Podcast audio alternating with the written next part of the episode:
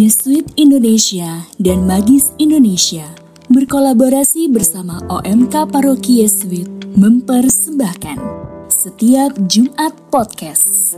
Podcast yang akan menemani teman-teman muda untuk rehat sejenak, ngobrol bersama, supaya hidup tidak terlewat begitu saja.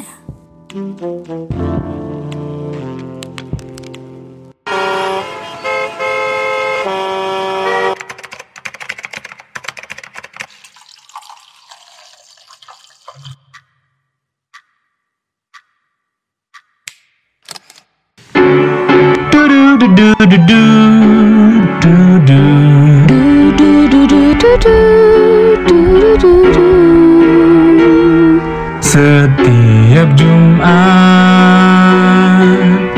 Rehat sejenak.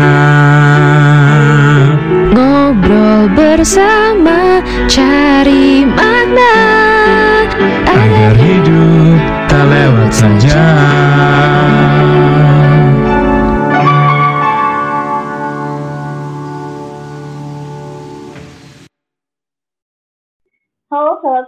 Jumat Podcast, apa kabarnya nih? Semoga dalam keadaan sehat dan apa pun yang kalian kerjakan hari ini dan rencanain semuanya sudah berjalan lancar ya. Nah, masih bersama kita di sini di Setiap Jumat Podcast dan gak kerasa ya, kita udah berada di penghujung bulan April. Kali ini kita akan ditemani sama aku Lydia dan juga Frater Septian. Halo Mbak Lydia, saya Frater Septian. Nah, Mbak Lydia, di episode terakhir ini kita lumayan spesial juga loh untuk menutup season 2 SC Podcast ini. Ayo dong kenalin diri, ini ada dua cowok-cowok ganteng nih. Ada, ada siapa nih? Ada Cliff sama Renal. Yuk silakan perkenalan diri dulu. Ya, eh, halo Frater Septian dan Mbak Lydia. Perkenalkan, aku Cliff dari, bilang kan ya dari mana ya? Saintpedia. Iya, iya. Halo Chris. Halo. Oke, halo juga, halo ke Frater Septian dan juga Kalidia gitu ya. Eh, aku Renald, aku juga dari Saintpedia. Terima kasih sudah diundang ke podcast malam hari ini. Uh, terima kasih juga Chris dan Renald ya sudah mau uh, menerima undangan kami. Ya teman-teman sedikit bocoran tadi ya, kita rekaman malam hari. Tapi kalau teman-teman mendengarkan pagi hari, siang hari, sore hari, kita tetap menyapa kalian begitu ya. Kita perlu tanya nih Mbak Lydia, Chris Ya. dan Renald ini kesibukannya apa sih gitu ya? Dan sekarang tuh tinggal di mana supaya teman-teman tahu juga ya. Aku masih kuliah eh, di Unika Sugio Pranoto Semarang. Jadi tentu tahu ya teritorialnya di Semarang, gitu domisilinya di Semarang dan aku sendiri adalah mahasiswa ilmu komunikasi. Nah, aku sendiri juga berasal dari paroki Santo Fransiskus Saverius, Kebondalem Semarang. Eh, ya, aku kegiat, aku kegiatannya sehari-hari juga masih kuliah lagi gitu ya. Eh, aku di Universitas Katolik Atmajaya, Katolik Indonesia Atmajaya gitu ya, kalau lengkapnya. Sedang ambil program magister profesi psikologi klinis dewasa gitu. Jadi memang mau jadi psikolog gitu. Waduh. bagus, bagus. Saya dulu juga pernah pengen jadi psikolog, tapi karena kuliahnya lama nggak jadi deh. Biar Cliff aja gitu ya, yang kuliah Iya, ya. Kita yang menikmati gitu ya. betul. Oke, kita mau ngomongin apa sih nih Mbak Lydia nih dengan Cliff dan Renald ini? Kita mau ngomongin ini loh. Pernah denger nggak sih mungkin teman-teman yang di luar sana pernah denger yang namanya Senpedia. Nah, kita mau tahu, mau denger awal mula muncul ide kok pengen sih bikin konten atau sesuatu yang menceritakan tentang Santo Santa. Nah, kira-kira awal mula tercetusnya tuh apa sih gitu? Maksudnya apa ide awalnya tiba-tiba aku pengen bikin konten yang tentangnya Santo Santa. Mungkin dari Chris atau Renos bisa diceritain. Oke, aku dulu kali ya, nanti Cliff bisa nambahin nih. Nah, sebenarnya awal cerita kenapa ada Saintpedia itu, karena itu waktu itu awal-awal pandemi gitu ya. Ada efek Hmm. gabut juga sih sebenarnya, efek gabut gitu ya, habis lulus gitu. Tapi satu sisi juga eh, karena kami berdua dan juga ada beberapa teman yang dipercaya gereja eh, menyimpan relikwi-relikwi suci orang-orang kudus, kami itu eh, pertama berpikir gitu ya, nggak pengen bahwa mereka orang-orang kudus itu hanya untuk milik kami gitu. Dalam artian eh, kisah-kisah mereka, keteladanan mereka, lalu mujizat-mujizat yang ada nggak pengen kami konsumsi sendiri gitu loh. Jadi kami pengen buat suatu platform wadah gitu di mana kami bisa cerita kepada orang-orang banyak, oh ternyata ada loh orang-orang kudus seperti ini, ada orang-orang kudus yang seperti itu, ada mujizat-mujizat yang luar biasa gitu. Kami juga berharap gitu ya, uh, di tingkat jenjangan orang kudus itu kan ada proses yang panjang gitu ya, ada dari hamba Allah, venerabilis, beato beata dan santo santa dan itu kan uh, butuh pengenalan ke orang-orang. Butuh juga disebarkan devosinya, butuh juga disebarkan uh, doa-doanya supaya harapannya ada mujizat gitu ya, mujizat yang menghantar mereka kepada penggelaran uh, santo atau santa nantinya. Nah itu awalnya berpikirnya Sempedia jadi wadah untuk itu. Jadi berharap devosi-devosi mereka mungkin orang-orang kudus yang jarang didengar bisa didengar. Orang-orang kudus yang uh, nggak uh, pernah uh, dikenali bisa semakin dikenali, semakin bisa diulik dan bisa semakin menjadi uh, teman-teman uh, itu khususnya teman-teman di Indonesia itu bisa tahu oh ternyata ada ini oh ternyata ada orang kudus itu yang menarik dan relate dengan kehidupan mereka gitu cerita awalnya makanya jadi lahirlah Zenpedia gitu sama teman-teman orang-orang muda semua sih rata-rata di Zenpedia gitu Oke, jadi mungkin buat ibu-ibu muda yang mau uh, melahirkan anaknya mulai tahu nih, oh ada nama santo ini buat beli dengan anak gue nih gitu ya. Iya, yeah, betul betul betul. Oke oke. Ya mungkin aku mau tambahin juga uh, cerita awalnya gitu ya. Jadi pada suatu malam tiba-tiba Reynald itu chat gitu, nanyain. Uh, kalau nggak salah gini dia nanya apa? Sebelumnya oh, udah kenal atau belum nih, Cliff? Oh sebelumnya, oh ya benar. Ah, ah. Oh, aku kenalnya ya itu cuma di Instagram doang kayak maksudnya waktu itu kayaknya nggak salah Reynald tiba-tiba follow deh Ya nggak, Rek? Iya, iya. Gue follow duluan, Cliff. Ya, uh, terus follow. Terus waktu itu Renat itu ada post tentang apa ya? Pokoknya berbau gereja-gereja gitu. Terus aku komen. Nah, dari situ atau atau sebaliknya, lupa. Terus Iya, betul, betul. Cliff dulu yang komen. Dulu yang komen kan ya? Ya, di DM yang nggak salah ya.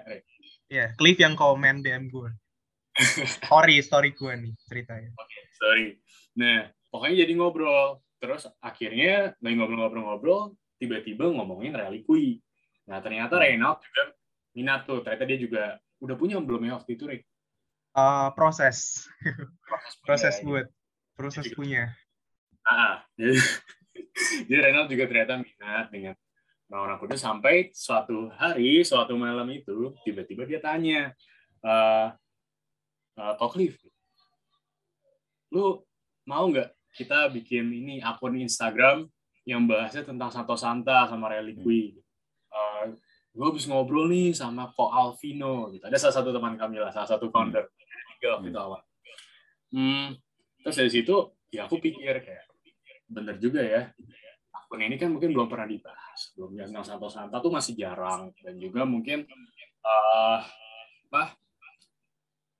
Ya aku punya relikui, punya kartu-kartu doa dengan relikui yang dulu dulu aku dikasih gitu, mungkin bisa dimanfaatkan gitu.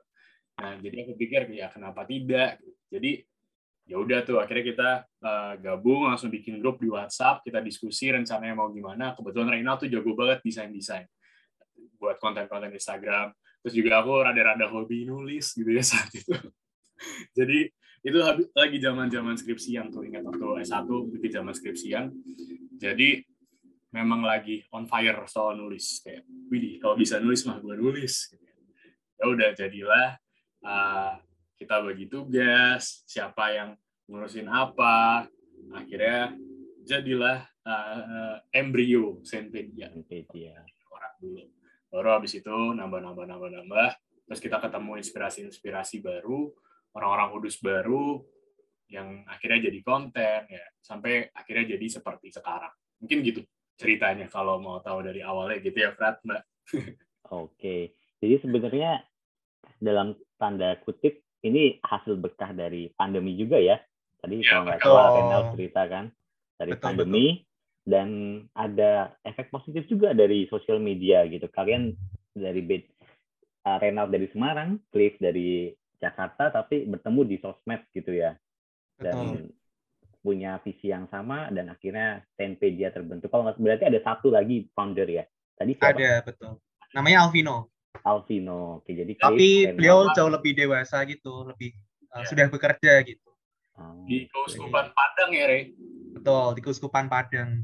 Apakah kalian pernah bertemu juga bertiga kopi darat? Ah, nggak pernah. Kalau ke Alvino belum pernah. Aku seringnya ketemu sama Ah. Cliff gitu.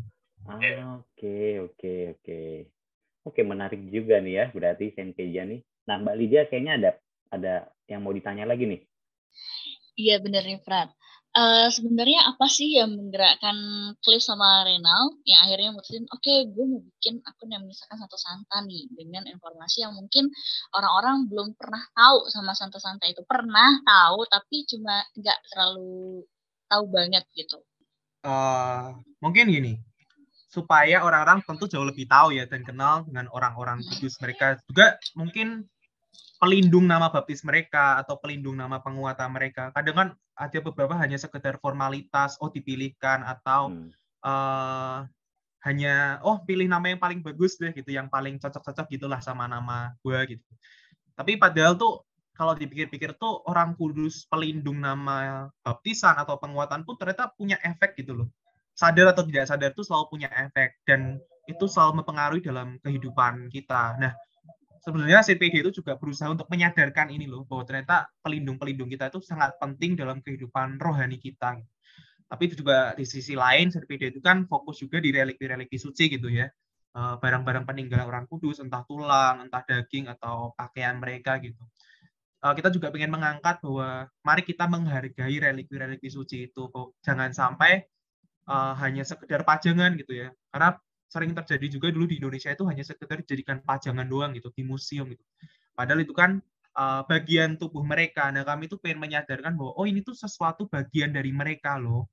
Bahwa ini perantara doa kita juga kepada Tuhan orang-orang kudus ini. Jadi uh, mari kita gali spiritualitas dari orang-orang kudus itu secara khusus setidaknya dari religi-religi suci gitu yang ada di gereja entah ditanam di altar maupun di uh, tempat-tempat suci lainnya gitu. Itu salah satu awal tujuan kami juga gitu. Oke, menarik ya berarti Mbak Lydia ya, ada motivasi khusus juga gitu ya. Nggak cuma sekedar membagikan apa itu santo-santo, tapi juga semacam edukasi tentang religi juga. Tapi sebenarnya aku punya pertanyaan khusus juga nih uh, soal apa ya namanya ya uh, media ini gitu. Yang yang yang saya tangkap kan Senpeja ini sekarang ini uh, fokusnya di Instagram begitu ya? Atau ada ada platform lain di website itu mulai bangun website juga ya? Ah, ya ada. Ah, Oke. Nah, uh, pertanyaannya mungkin apa sih yang yang spesial gitu ya dan unik dari yang kalian bagikan gitu. Yang ini nih, saya sedikit sharing gitu. Saya saya tahu, uh, gue tahu soal Santo Santa itu karena dapat buku buku Santo Santa ketika komuni pertama dan itu gue baca gitu. Dan itu itu kan sarana yang sangat biasa gitu ya. Atau uh, di website-website tertentu kan website Katolik banyak ya yang membahas soal itu. Tapi apa sih yang membuat FanPage itu unik gitu dan kalian akhirnya mau terus mengembangkan ini gitu? Please? Oke, aku coba jawab. Nanti Renald bisa tambahin ya.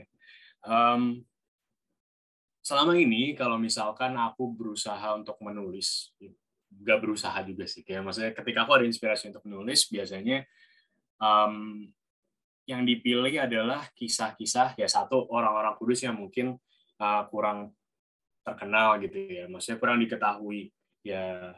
Tapi mungkin kisahnya bisa berbicara sesuatu buat kita, anak, terutama anak-anak muda. Banyak juga uh, orang-orang kudus muda yang kami pilih buat jadi uh, konten gitu ya. Tapi kalau nggak begitu, bisa juga as, apa ya sepenggal kehidupan dari orang-orang kudus yang mungkin akan mudah untuk direlate atau mungkin menunjukkan sisi lain gitu loh dari orang kudus tersebut. Kayak mungkin selama ini kan kita taunya orang-orang kudus itu uh, kayak semacam simbol doang gitu loh. Kayak semacam apa ya? Uh, orang-orang tanpa wajah gitu. Kita nggak tahu ceritanya gimana, kita nggak tahu uh, seberapa dia itu mirip sama kita gitu, sama-sama manusia gitu ya. Jadi rasa-rasanya oh oke okay juga kalau kita bisa menawarkan sesuatu yang baru uh, image dari orang-orang kudus ini dengan cara baru gitu loh. Ya tentunya ya mungkin dengan diselingi refleksi-refleksi yang pasti yang juga uh, ya kami bergiliran atau minta bantuan dari Romo gitu dan diperiksa juga gitu. Jadi gimana dari satu peristiwa atau dari satu tokoh orang kudus yang tidak dikenal itu bisa berbicara sesuatu buat kehidupan kita masing-masing gitu di konteks kita masing-masing. Mungkin kayak begitu ya kalau dari pemilihan konten yang mungkin jadi berbeda dan juga yang pasti penyajiannya gitu ya. Kalau penyajiannya uh, desain-desain segala macam itu bisa tanyakan ke Reynald. Reynald silahkan. Ya. Oke, kalau aku sih ya tentu tadi udah disinggung soal grafis ya, pengen mencoba menyajikan seringkas mungkin tapi tidak kehilangan esensinya dengan grafis yang cakep supaya orang tuh juga ada visualnya gitu ya, membayangkan oh ternyata orang kudus ini dulu waktu perang bagaimana gitu ya. Pernah dulu uh, cari gambar Santo Ignatius, oh kita buat cerita ada waktu bagian perang, kita tampilin gambarnya waktu dia perang dan lain sebagainya. Sehingga nggak cuma cerita doang, tapi juga bisa membayangkan bagaimana kondisi di zaman itu gitu. Jadi ada unsur visualnya juga. Tapi di sisi yang lain, uh, kita selalu menekankan di konten-konten kami itu selalu membumi. Pengen supaya cerita orang-orang kudus itu nggak sekedar bayang yang saleh, saleh gitu ya, yang ke surga banget gitu. Tapi ada dinamika di mana orang kudus itu ternyata juga mengalami kejatuhan. Bagaimana mereka mengalami naik turun gitu. Nah, jadi pengen menganggap orang-orang kudus itu tuh bukan sesuatu yang jauh. Tapi Senpedia ingin menghadirkan orang-orang kudus itu sosok yang dekat, yang relate, yang pernah hidup dan juga merasakan apa yang kita rasakan gitu. Karena kan dulu ada anggapan ya orang kudus oh orang kudus ya berarti mereka selama hidupnya saleh gitu ya. Aku kan pendosa gitu. Enggak, orang kudus itu pendosa yang punya masa lalu dan berubah. Mereka mau mencoba menghidupi dan bekerja sama dengan rahmat Tuhan. Nah, itu yang pengen coba kami tekankan untuk membumi bahwa mereka itu dekat dengan kita gitu loh. Oke, jadi kuncinya relatable dan membumi gitu ya. Betul. Nggak sekedar membagikan uh, kisahnya gitu.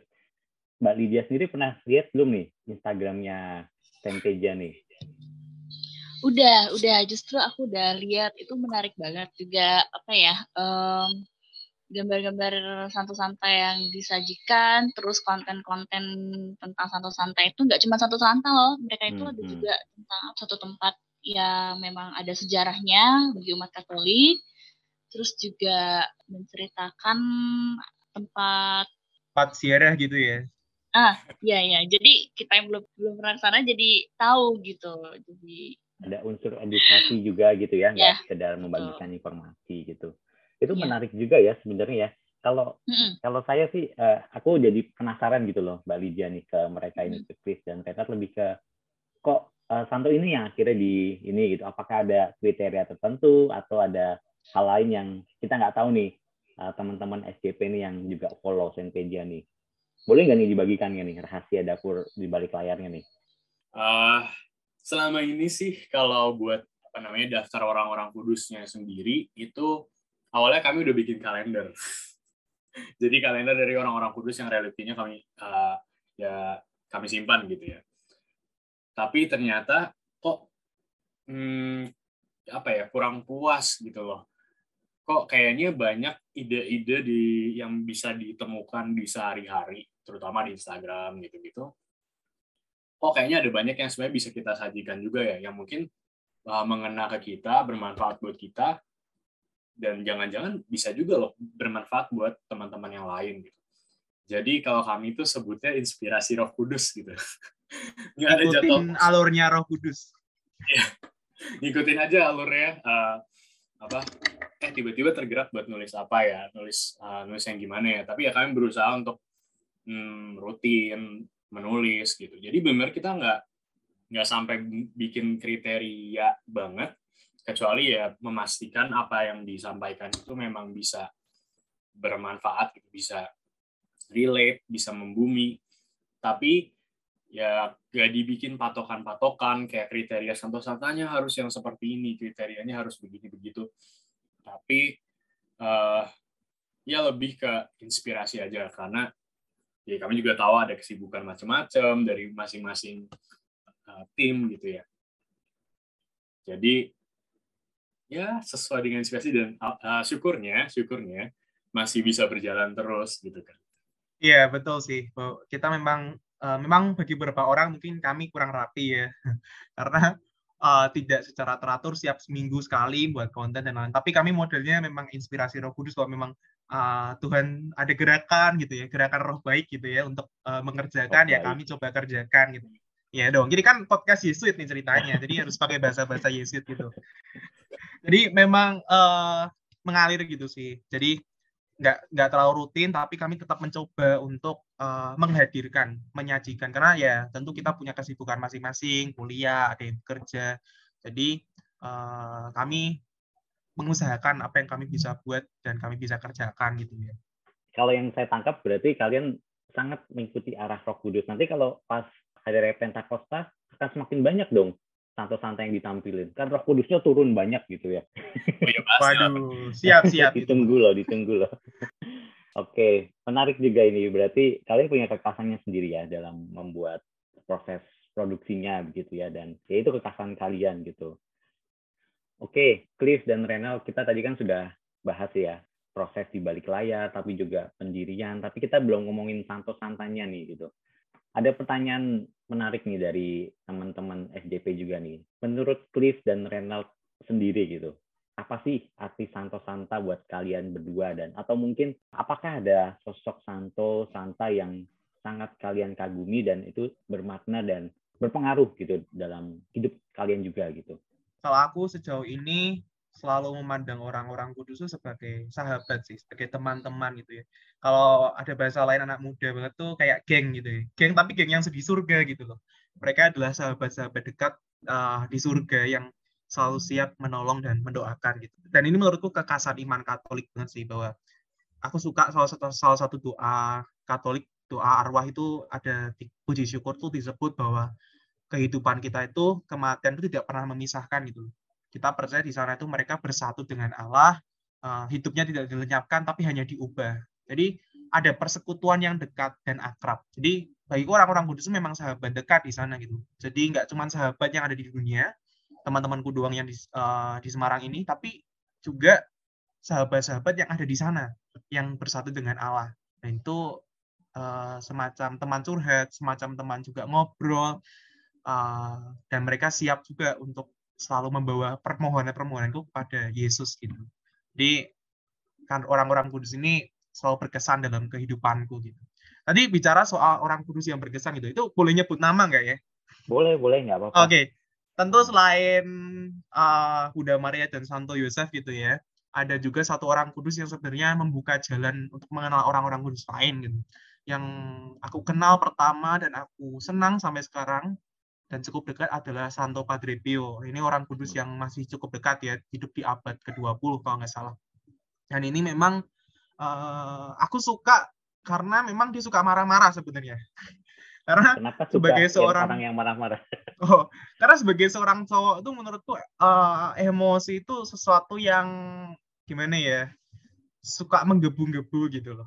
Hmm. Dan awalnya berpikir juga bahwa ternyata marah itu tuh dosa atau enggak ya. Tapi orang kudus Padre Pio ini tuh suka marah sebenarnya. Dan juga banyak orang-orang kudus lain yang suka marah-marah gitu. Dan aku suka salah satu quotes-nya Mother Angelica tentang Padre Pio.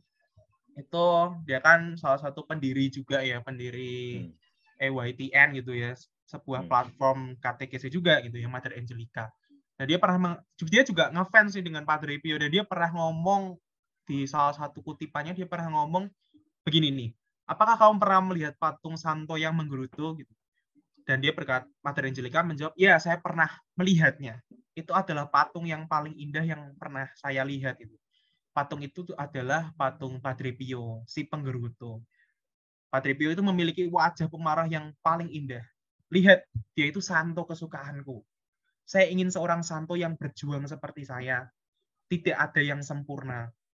Hanya ada perjuangan untuk menjadi kudus. Nah itu quotes itu sangat menampar hingga hari ini gitu. Bahwa ternyata hal-hal yang kita anggap sesuatu yang nggak kudus pun bisa dipakai Tuhan untuk menjadi satu alat untuk kekudusan. Dan Padre Pio sudah mengalami itu. Gitu. Nah itu sampai sekarang membuat aku uh, selalu merenung ngefans sama beliau karena oh ternyata dari kelemahan-kelemahanku itu Tuhan bisa memakai untuk menjadi jalan uh, kekudusan gitu. Itu sih kalau dari aku. Oke, berarti bukan karena kamu suka marah-marah aja ya. Kamu juga Iya, termasuk tentu. orang yang emosional nggak nih? Wah, dulu sih iya gitu, tapi Ah. belajar mengendalikan gitu ya. Oke, berkat Padri Pa- Padri Pio juga berarti ya. Belajar Iya, dari betul. Orang Santo. Oke, thank you Renard. Cliff? Oke, eh, apa tadi makna Santo Santa ya buat Hmm, aku hmm, secara pribadi gitu ya. Ya kalau mau template sih ngomongnya kan teladan gitu ya sebagai teladan. Tapi eh, sebenarnya aku lebih melihat Santo Santa ini sebagai apa ya bukti gitu loh kayak kalau ternyata menjadi citra Allah menjadi gambar dan rupa Allah gitu yang dianggap baik itu tuh nggak mustahil gitu buat buat aku buat buat orang-orang di sekitarku buat ya semua manusia lah buat semua orang gitu. Hmm, jadi aku selalu berusaha untuk ketika melihat orang-orang kudus ini tidak dengan cara yang toksik kayak maksudnya toksik itu sering kan kita dilontarkan pertanyaan kalau dia aja bisa kenapa hmm, gua enggak? Gitu. Hmm. ya tapi faktanya ketika kita dihadapkan dengan pertanyaan gitu kan kita mikir eh, ya gue udah berusaha gue udah berusaha untuk bener di sini bener di situ bener di mana-mana tapi masih ada aja kecenderungan buat jatuh buat gagal buat lemah gitu Hmm. eh ya kadang kita mungkin lupa gitu ketika kita baca kisah Santo Santa yang kita baca mungkin kisah mujizat kisah Hmm. apa eh, kejayaan-kejayaannya Hmm. tapi kita lupa kisah di balik aku tertarik banget buat terlihat misalkan kalau orang kudus yang terkenalnya eh, ketika sudah di- udah tua gitu coba lihat masa masa masa kecilnya atau masa ini ya. Mungkin nggak ya mungkin kan aku juga latar psikologi tapi eh, pengen lihat gimana dia bergumul gitu loh. Karena waktu itu ada satu saat di mana aku baca kisah tentang bapak-bapak padang gurun. Di situ itu dikisahkan ya para bapak-bapak ini banyak yang ketika dia masih novice ketika dia masih ya masih muda itu ya mesti jatuh berkali-kali baru bisa punya kematangan rohani tertentu gitu. Jadi ya apa namanya ya mereka ini menjadi tanda-tanda harapan gitu ya. Nggak tahu apakah ini karena aku sendiri sering merasa insecure merasa rendah diri gitu. Tapi ya ketika itu mungkin berarti aku juga mungkin gitu ya. Ini beda gitu loh. Bukan kayak dia aja bisa masa gue nggak Hmm, bisa gitu. Tapi ini kayak Penekanannya beda ya. ya. Ini mungkin buat Nah, ada harapan lah buat aku gitu.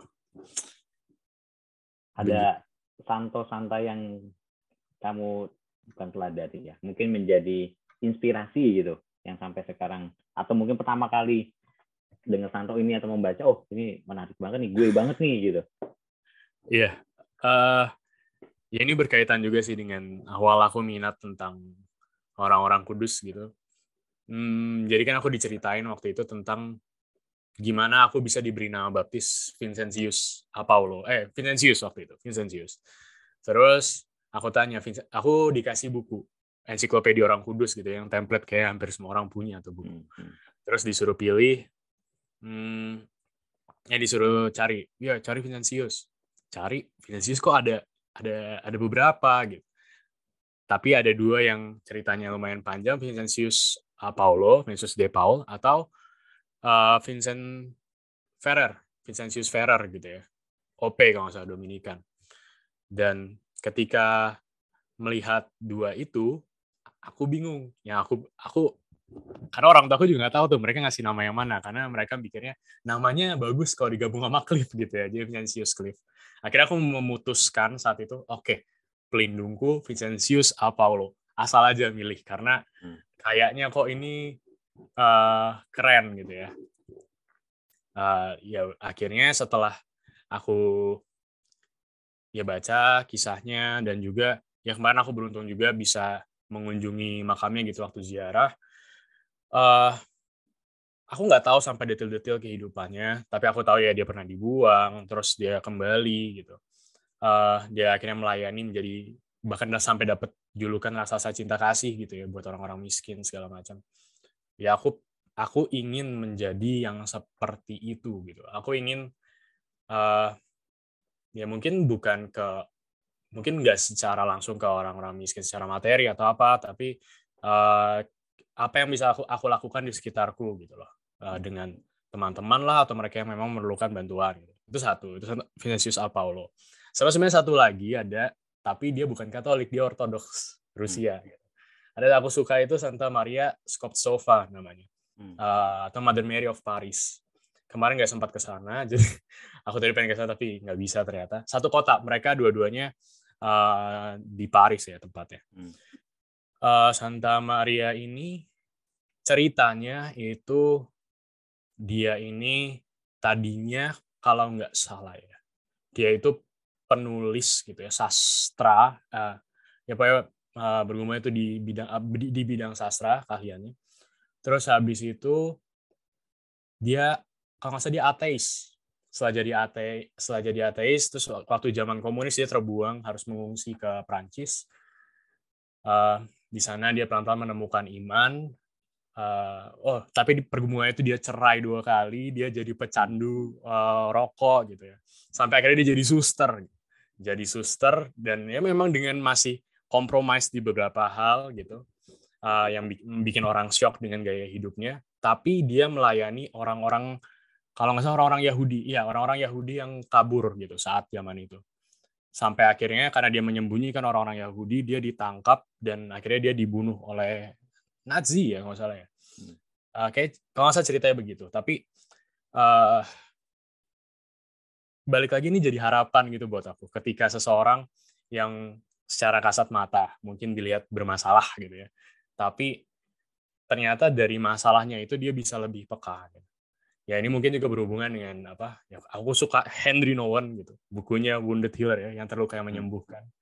Itu mungkin dia jadi sosok yang menurut aku sangat menggambarkan uh, Wounded Healer itu, archetype Wounded Healer itu. Itu mungkin favoritnya. Jadi itu baru-baru sekarang sih kalau itu favoritnya. Jadi itu, Fran. Keren-keren Reynald dan Cliff ini. Reynald uh, punya panutan pada Tio, Cliff, Vincencio, Vincentius Apaulo, dan Mother Ma- Mary Scott Sofa. Kopsova. Oke, keren nih. Uh, dan dari mereka kalian menemukan harapan gitu ya bahwa ya banyak hal yang bisa diambil gitu. Kalau Mbak Lija sendiri gimana nih Mbak Lija nih? Punya santo atau santa yang dikagumi nggak nih, Mbak? Kalau aku sendiri eh, kebenaran namanya Maria Lydia. Jadi Hmm. aku pernah cari nama Lydia itu ada nggak sih santanya? Ternyata ada. Hmm. Eh, penjelasannya waktu itu di salah satu buku tentang Santo Santa aku nemu Hmm. itu. Em, Santa Lydia itu katanya orangnya tuh eh, pekerja keras, terus juga ya orangnya tuh tahan banting lah sama kerjaan apa pun gitu. Jadi aku eh, sebagai orang yang punya nama Lydia tuh eh apa ya? Terwakili dengan Santa Lydia ini gitu ya. Ya sedikit terwakili walaupun sebenarnya kadang ngerasa eh, banyak keluhnya, tapi ya tetap apa eh, walaupun seberat apa pun tetap aku lakuin gitu, walaupun Hmm, hmm, ya hmm. berat ataupun rasanya udah lelah, tapi aku tetap nggak mau nyerah gitu. Hmm. Ternyata bener sih. Jadi sebenarnya kita bisa apa ya mendapat banyak apa ya inspirasi gitu ya dari Betul. kisah mereka ini gitu. Iya. Satu satu hal yang yang saya ingat saya lupa gitu saya sempat baca di mana begitu ya. Kayaknya sih bukunya James Martin ya, entah di My Life with the Saints atau salah satu bukunya. James Martin itu eh, seorang Romo Yesuit dari Amerika dan dia memang banyak menulis buku gitu. Eh, saya tertarik dengan ini sih, dengan kata-katanya bahwa eh, dengan kita melihat inspirasi santo-santo itu membuat kita semakin manusiawi gitu ya. Mereka itu juga sama dengan kita gitu, sama berdosanya, sama uh, lemahnya. Tapi yang membuat mereka mungkin akhirnya menjadi santo-santa ya, mereka tetap berjuang gitu ya dengan segala Yap, kelakuan betul. mereka, dengan segala kelemahan mereka. Dan akhirnya kalau Cliff uh, menggunakan katanya Henry Nowen ya, wounded healer itu gitu ya, tanpa sadar gitu. Mereka menjadi apa wounded healer juga untuk orang lain gitu ya dengan dengan segala pergulatan mereka gitu. Nah saya sedikit sharing juga nih ya, kalau boleh nih ya, Cliff Reynolds dan Mbak Lydia gitu. Boleh, boleh. Jujur, saya bukan karena seorang Yesuit lalu suka dengan Santo Ignatius, itu itu memang default gitu ya, karena kita belajar banyak tentang Santo Ignatius, lalu juga Santo uh, Franciscus Saverius dan banyak santo lain di Yesuit gitu. Tapi ada santo juga yang yang dari kecil saya uh, ikuti ya, Santo Antonius gitu, contoh nama nama baptis saya gitu. Tapi uh, kalau kalau mau membahas uh, apa ya, belajar dari kisah santo-santo tentu saya belajar banyak dari Santo Ignatius gitu. Dengan segala kemanusiawi kemanusiawiannya Santo Ignatius ini, saya merasa semakin pede gitu ya menjadi seorang Yesuit.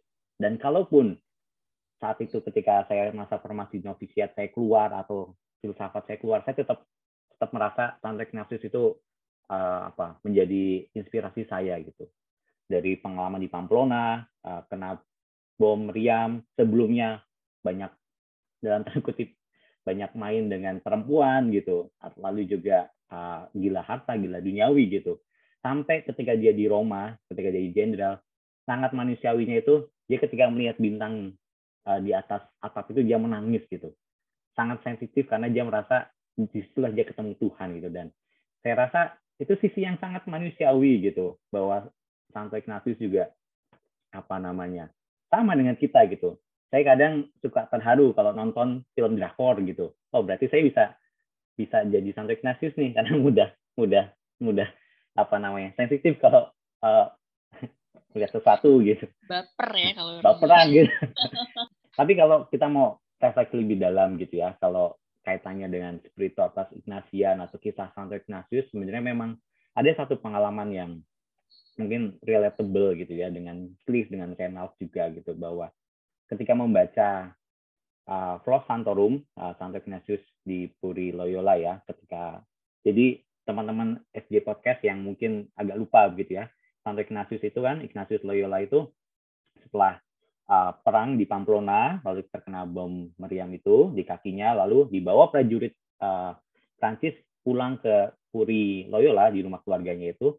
Dan saat itu karena nggak ada bacaan lain, akhirnya Santo Ignatius hanya membaca uh, buku Santo Santa, kita hidup Santo Santa dan kita hidup uh, uh, Yesus Kristus gitu dari dua buku itu, yang salah satunya uh, Flos Santorum, buku uh, kisah hidup Santo Santa, Ignatius itu terinspirasi untuk mengikuti cara hidup uh, Santo Santa dan akhirnya dia akhirnya mau untuk uh, berziarah ya ke Yerusalem. Dan itu yang menjadi cikal bakal Ignatius uh, membuat latihan rohani dan akhirnya menjadikan uh, sikat Yesus. Jadi di zaman sekarang Cliff Reynolds saya, Septian, Plato Septian, dan Lydia terinspirasi dari kisah Santa Santa. 500 tahun sebelumnya juga Santo Ignatius mendapat hal yang sama. Itu yang menurut saya menarik gitu ya, kalau kita mau belajar dari orang lain, mau belajar dari uh, pergulatan Santo Santa dan orang kudus lainnya, kita justru uh, bisa menjadi orang yang apa ya namanya down to earth juga ya dan semakin manusiawi. Ya nggak sih Lydia, Cliff dan Reynolds? Betul, setuju banget. Betul. Setuju, Fred. Oke, oke. Uh, sebelum kita menutup nih, ini karena ini episode terakhir di season 2 SD Podcast.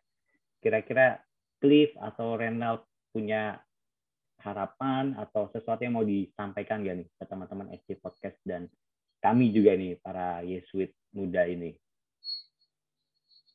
uh, mungkin dari aku dulu nanti Cliff bisa kasih refleksi yang lebih panjang gitu ya. Sebenarnya kami pernah sih buat konten tentang Santo Ignatius Loyola dan refleksi kami. Sebenarnya sangat-sangat menginspirasi bagaimana kisah pertobatannya yang kita reken 500 tahun ini ya. Nah, nanti Cliff bakal lebih banyak singgung gitu ya. Tapi aku memang suka belajar uh, dari Ignatius Loyola itu karena rumahku itu di Semarang itu dekat dengan Kolose Loyola yang otomatis adalah dikelola Serikat Yesus gitu ya.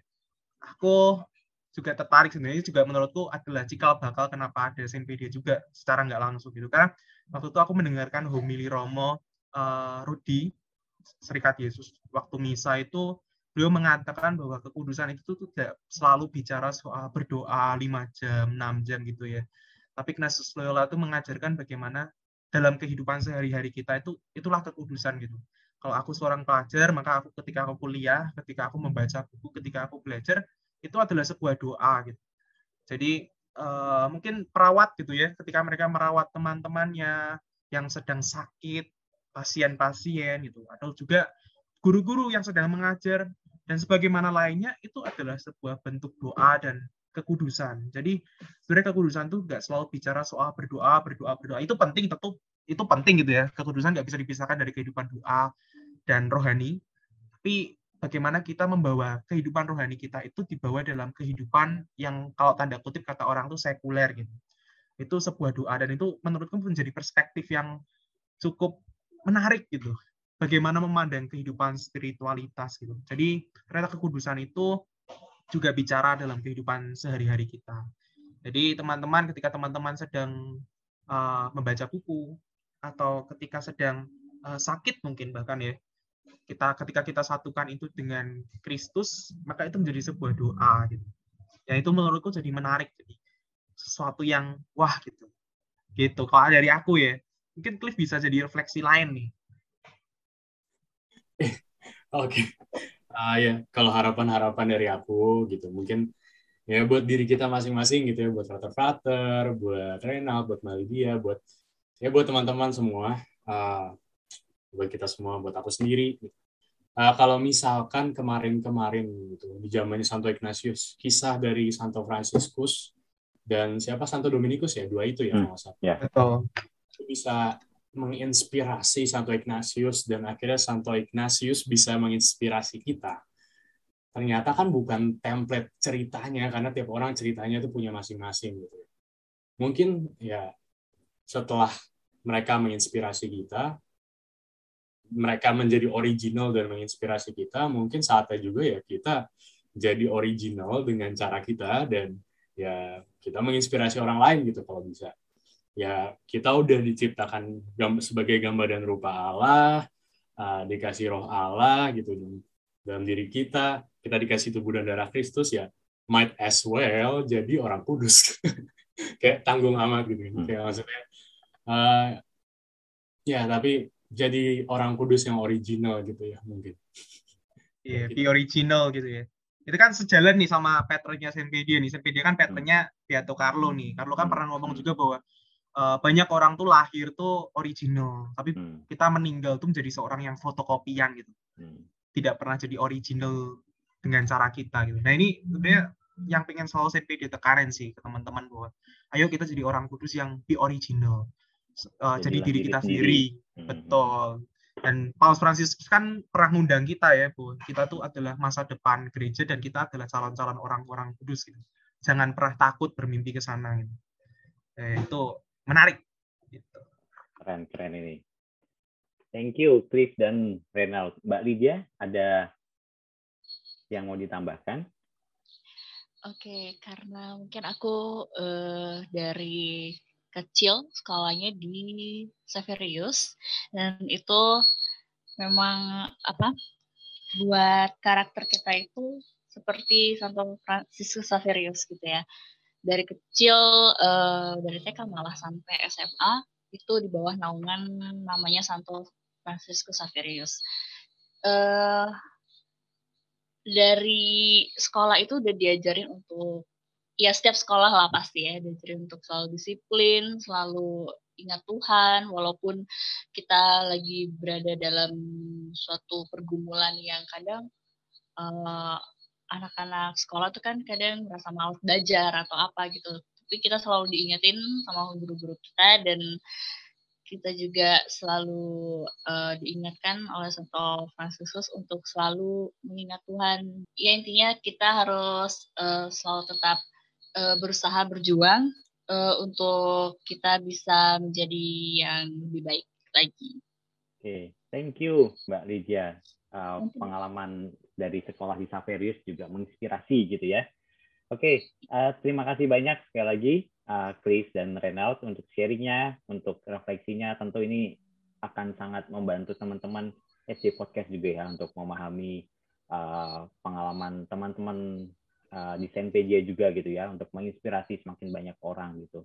Uh, saya juga semakin banyak uh, mendapat inspirasi dari kalian gitu, bagaimana membagikan sesuatu yang sebenarnya sederhana tapi itu bermakna banyak gitu ya dan tentu kita akan tunggu kolaborasi kita selanjutnya mungkin dengan teman-teman Yesuit dan uh, orang muda Ignatian juga. Terima kasih banyak sekali lagi Cliff dan Renald. Thank you juga Frater sudah diundang. Kesempatan kehormatan sekali gitu ya. Nah, terima kasih frater-frater dan Iya, gitu ya udah diundang sih. Oke, sahabat yang dikasih Tuhan, gak kerasa ya kita juga udah sampai di penghujung episode ini. If you find this podcast helpful, please share ke teman-teman yang lain ya. Jangan lupa follow setiap Jumat podcast di Instagram supaya kalian nggak ketinggalan update terbaru dari kita. Teman-teman boleh banget juga sharing insight teman-teman dan juga mungkin pertanyaan, tanggapan yang teman-teman uh, dapatkan dari episode kali ini lewat story Instagram dan jangan lupa di mention kita at setiap Jumat podcast supaya kita semua bisa berbagi inspirasi.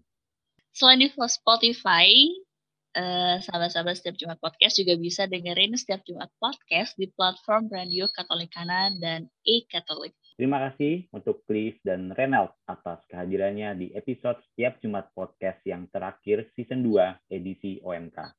Saya Lydia. Saya Frater Septian. Saya Cliff. Saya Renald. Pamit undur diri dari ruang dengar Anda. Sampai jumpa di season selanjutnya. Setiap Jumat podcast. Mari rehat sejenak. Ngobrol bersama. Eh, hidup tidak terlalu.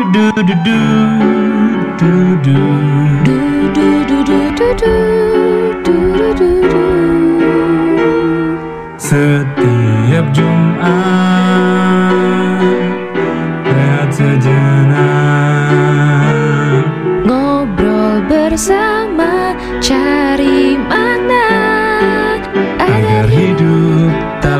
Agar hidup tak lewat saja